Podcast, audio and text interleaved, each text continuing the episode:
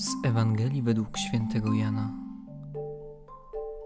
Jezus powiedział do swoich uczniów: Teraz idę do tego, który mnie posłał, a nikt z was nie pyta mnie, dokąd idziesz. Ale ponieważ to wam powiedziałem, smutek napełnił wam serca. Jednakże mówię wam prawdę. Pożyteczne jest dla was moje odejście, bo jeżeli nie odejdę, Paraklet nie przyjdzie do Was. A jeżeli odejdę, to poślę go do Was. On zaś, gdy przyjdzie, przekona świat o grzechu, o sprawiedliwości i o sądzie. O grzechu, bo nie wierzą we mnie. O sprawiedliwości zaś, bo idę do Ojca i już mnie nie ujrzycie. Wreszcie o sądzie bo władca tego świata został osądzony.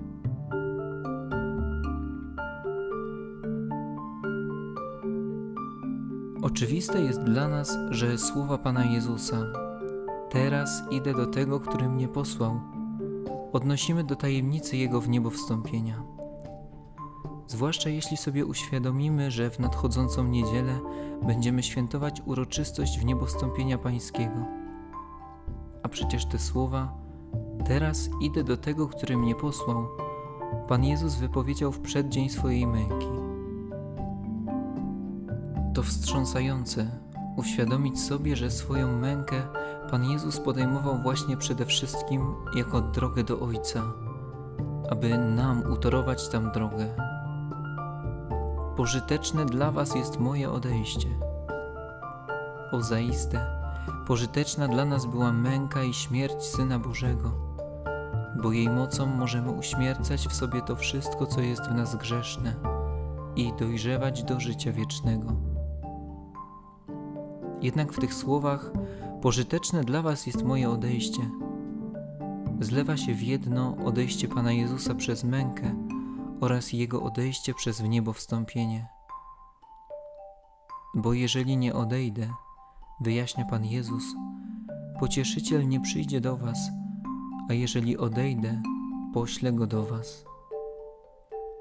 To wyjaśnienie bardzo intryguje, bo dlaczego fizyczne odejście od nas Pana Jezusa było warunkiem obdarzenia nas Duchem Świętym?